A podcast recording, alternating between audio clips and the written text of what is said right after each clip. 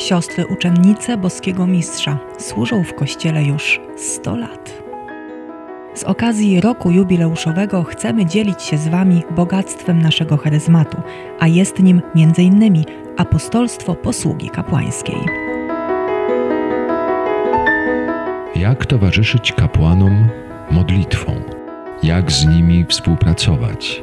Jak pełnić macierzyństwo i ojcostwo duchowe? Na te pytania odpowiadają siostry oraz ich przyjaciele i współpracownicy, a przede wszystkim błogosławiony Jakub Alberione. Refidim. Niech będzie pochwalony Jezus Chrystus. Zapraszam na kolejną naszą audycję z cyklu Refidim.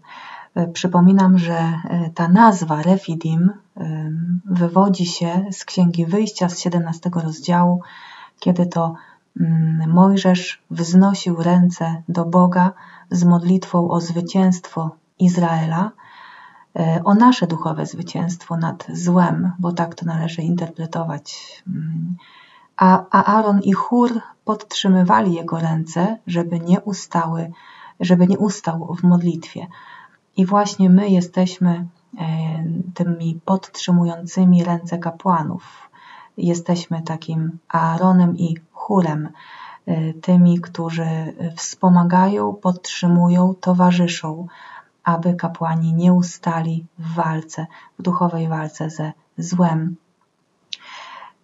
Tydzień temu mówiłam o tym, że ojciec założyciel, błogosławiony Jakub Alberione, założyciel rodziny świętego Pawła, dał nam takie apostolstwo, dał całemu Kościołowi, zaproponował takie apostolstwo życia wewnętrznego, mówiąc, że e, nie tylko modlitwa ustna jest ważna, ale także to, jak żyjemy wewnętrznie, ile wysiłku wkładamy, ile skupienia wewnętrznego e, na, na to, żeby kontemplować Boga w ciągu dnia, w ciągu swojego życia, żeby wzrastać w łasce. Nie chodzi tu tylko o taką pracę psychologiczną, typowo pracę nad sobą, tak zwaną, ale przede wszystkim na e, takie czuwanie, czujność, e, uważność, skupienie na tym, jak Bóg chce w nas pracować. Mówiliśmy o tym, co to oznacza w praktyce, i zapowiedziałam, że w tym tygodniu zajmiemy się czymś odwrotnym, to znaczy apostolstwem życia zewnętrznego z kolei, to znaczy w jaki sposób to, co robimy na zewnątrz, nasz dobry przykład wpływa na innych. I właśnie błogosławiony Jakub Albelione mówił o apostolstwie dobrego przykładu. To, co czynimy, zawsze wywiera na innych albo dobry, albo zły wpływ, mówił. Zresztą mówimy tak między sobą, że verba docent exempla trahunt. Słowa y, mogą uczyć, y, ale to przykład pociąga. Dziecko cię nie słucha, dziecko cię naśladuje. Też tak mówimy często właśnie do rodziców czy do wychowawców. E, dziecko będzie robiło to, co obserwuje u ciebie, a nie to, co mu mówisz, że ma robić. I to nie tylko relacji rodziców z dziećmi dotyczy, ale także naszych relacji e, na co dzień. E, jeśli chce się komuś pokazać, jak współpracować z łaską, trzeba najpierw samemu z nią współpracować, bo nie chodzi o moralizowanie, tylko o dzielenie się doświadczeniem życia. E, najpierw założyciel mówił o złym przykładzie. Posłuchajmy. Można dać zły przykład słowami, wyjawianie wad innych i opowiadanie o nich, znajdywanie ich wszędzie oraz rozgłaszanie. Wielokrotnie traci się zaufanie do osoby, także do przełożonych, do spowiednika, do kapłanów, tylko dlatego, że od jednej do drugiej przechodzi słowo szemrania, ponieważ daje się rację pewnym posądzeniom, o ileż szkód wynika z pewnych słów lekkomyślnych. Zobaczcie, jak jedna osoba zaczyna mówić źle o kapłanach, od razu ci się przypomina, że ty też miałeś złe doświadczenie i się dzielisz, i już zaczyna się rozmowa, która nie buduje, ale przygnębia, osłabia. Jak trudno jest w takim momencie odwrócić bieg rozmowy, nie zakrywając prawdy, ale pokazując drugą stronę tej samej rzeczywistości. Jak to wygląda od strony kapłana, albo po prostu zaprosić do wspólnej modlitwy, skoro jest aż tak źle. E, ostudzić emocje. Mamy wpływ na zmianę myślenia e, innych, nawet jeśli się do tego przed nami nie przyznają, ale nigdy moralizowaniem czy przymusem. Y, dobrym przykładem, czyli pokazaniem, że ja staram się, choć też mi jest trudno, myśleć i postępować inaczej. Zobaczmy, na czym polega też współczesny hejt. Ile osób straciło zaufanie na przykład do papieża Franciszka albo do hierarchów, bo słyszą tylko krytykę, tylko podważanie, tylko zło. Mm, nie ma y, medytacji słów, które wypowiadali, y, wypowiadają czy piszą. I czy modlimy się za nich wtedy? To jest też bardzo ważne.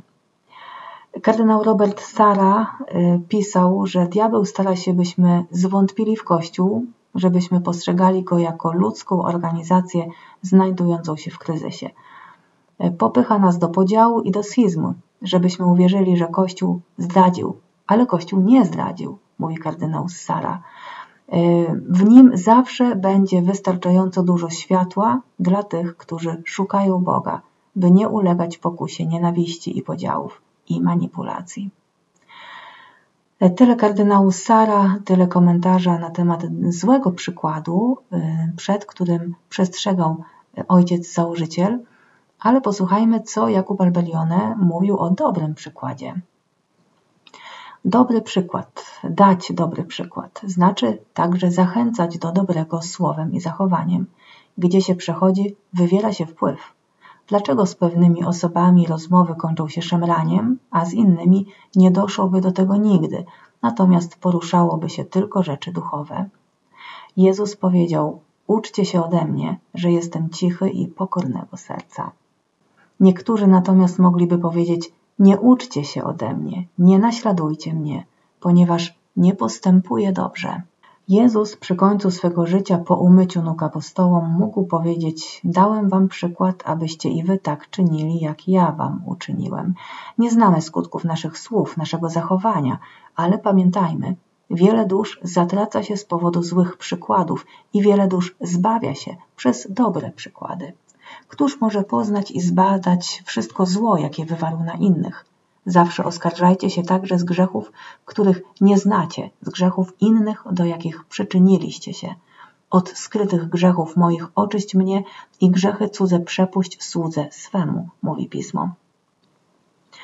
E, ojciec założyciel, ponieważ wygłasza tę medytację do nas, mówi: Podczas jutrzejszej porannej mszy świętej pamiętajmy o duszach, które mogły znaleźć się w czyśćcu przez nasze złe przykłady. No właśnie, czasem pytam siebie, czy narzekam, czy staram się szukać pszenicy wśród kąkolu, bo to od razu widać, czy osoby odchodzą po spotkaniu ze mną pełne pokoju i nadziei, czy pełne lęku i rezygnacji. Także gdy chodzi o rozmowy o kapłanach. Na czym polega ten dobry przykład w praktyce? Można nie tylko mówić, ale chociażby zorganizować na terenie diecezji czy parafii ekipę młodych, którzy by odwiedzali starszych kapłanów, pomagali im i słuchali ich opowieści, spisywali czy nagrywali. To uczy szacunku do starszych. E, myśmy chciały zrobić coś takiego w Częstochowie, ale wybuchła pandemia. Natomiast pomysł pozostał aktualny. Apostolstwo dobrego przykładu to też sytuacja e, wobec samego kapłana, kiedy widzimy, że kapłan się gubi, można mu podsunąć dobrą lekturę, zapytać, co słychać, o co się dla ciebie modlić, czasem zadzwonić i powiedzieć, że się modlę za ciebie, żeby miał poczucie sensu tego, co robi, że ktoś mu towarzyszy. Oczywiście nie często i nachalnie, nie w sposób taki przemocowy, bo czasem są takie osoby, które z góry wiedzą, o co się dla kapłana modlić i zaczynają go pouczać i moralizować także raczej e, ich unika niż oczekuje wsparcia. Dlatego jeśli ktoś chce przeżywać prawdziwe ojcostwo czy macierzyństwo duchowe, niech się modli, mówi założyciel. Apostolstwo trzeba sobie wyprosić, trzeba sobie wyprosić łaskę apostolstwa.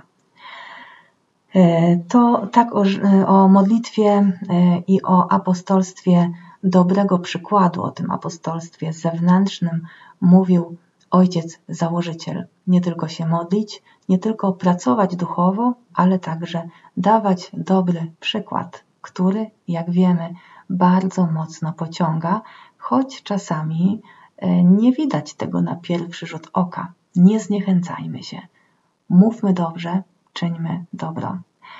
A już za tydzień kolejne apostolstwo zaproponowane nam przez założyciela rodziny świętego Pawła, błogosławionego Jakuba Albelionego w ramach modlitwy i towarzyszenia kapłanom. Refidim.